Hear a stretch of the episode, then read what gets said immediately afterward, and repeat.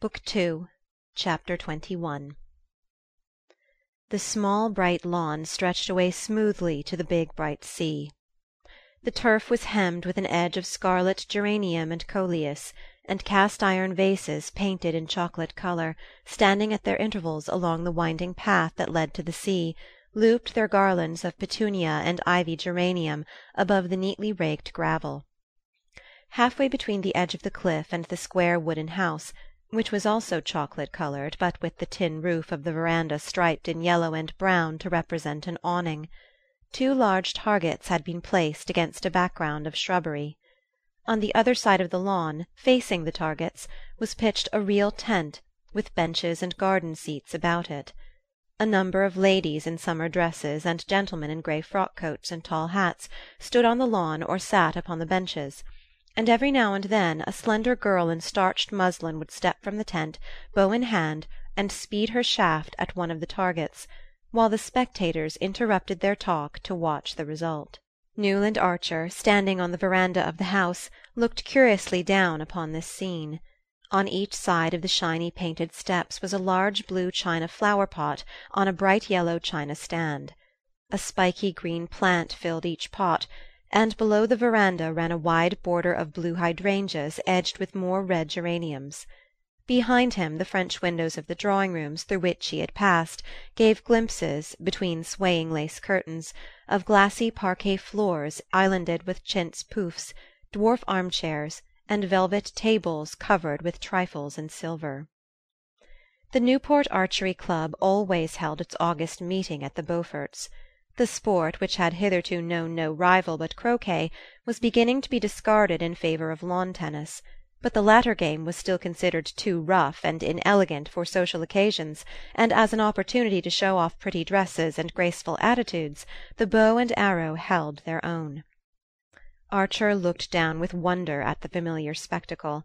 It surprised him that life should be going on in the old way when his own reactions to it had so completely changed. It was Newport that had first brought home to him the extent of the change. In New York, during the previous winter, after he and May had settled down in the new greenish yellow house with the bow window and the Pompeian vestibule, he had dropped back with relief into the old routine of the office, and the renewal of this daily activity had served as a link with his former self. Then there had been the pleasurable excitement of choosing a showy grey stepper for May's brougham the Wellands had given the carriage and the abiding occupation and interest of arranging his new library, which, in spite of family doubts and disapprovals, had been carried out as he had dreamed, with a dark embossed paper, Eastlake bookcases, and sincere armchairs and tables.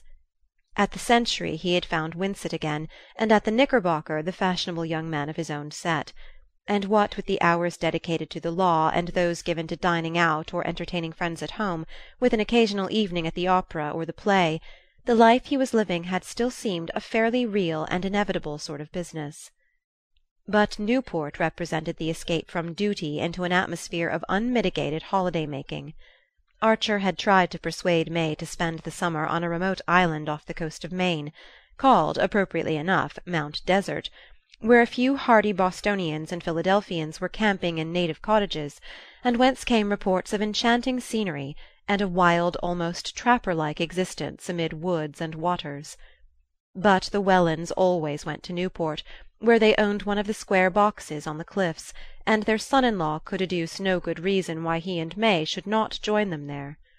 As Mrs. Welland rather tartly pointed out, it was hardly worth while for May to have worn herself out trying on summer clothes in Paris if she was not to be allowed to wear them; and this argument was of a kind to which Archer had as yet found no answer. May herself could not understand his obscure reluctance to fall in with so reasonable and pleasant a way of spending the summer. She reminded him that he had always liked Newport in his bachelor days, and as this was indisputable he could only profess that he was sure he was going to like it better than ever now that they were to be there together. But as he stood on the Beaufort veranda and looked out on the brightly peopled lawn, it came home to him with a shiver that he was not going to like it at all. It was not May's fault, poor dear. If, now and then, during their travels, they had fallen slightly out of step harmony had been restored by their return to the conditions she was used to. He had always foreseen that she would not disappoint him, and he had been right.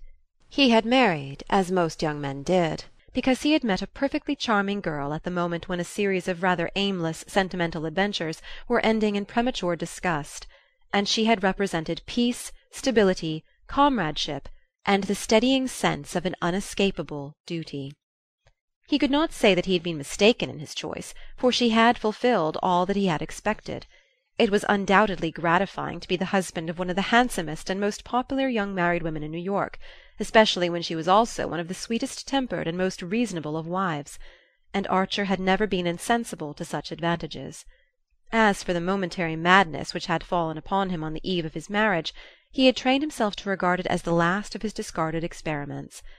The idea that he could ever, in his senses, have dreamed of marrying the Countess Olenska had become almost unthinkable and she remained in his memory simply as the most plaintive and poignant of a line of ghosts. But all these abstractions and eliminations made of his mind a rather empty and echoing place, and he supposed that was one of the reasons why the busy animated people on the Beaufort lawn shocked him as if they had been children playing in a graveyard. He heard a murmur of skirts beside him, and the Marchioness Manson fluttered out of the drawing room window. As usual, she was extraordinarily festooned and bedizened, with a limp Leghorn hat anchored to her head by many windings of faded gauze, and a little black velvet parasol on a carved ivory handle absurdly balanced over her much larger hat brim. "My dear Newland, I had no idea that you and May had arrived. You yourself came only yesterday, you say? Ah, business, business, professional duties, I understand. Many husbands, I know, find it impossible to join their wives here except for the week end." She cocked her head on one side and languished at him through screwed up eyes. "But marriage is one long sacrifice, as I used often to remind my Ellen." Archer's heart stopped with the queer jerk which it had given once before, and which seemed suddenly to slam a door between himself and the outer world. But this break of continuity must have been of the briefest for he presently heard Medora answering a question he had apparently found voice to put. "No, I am not staying here, but with the Blenkers, in their delicious solitude at Portsmouth.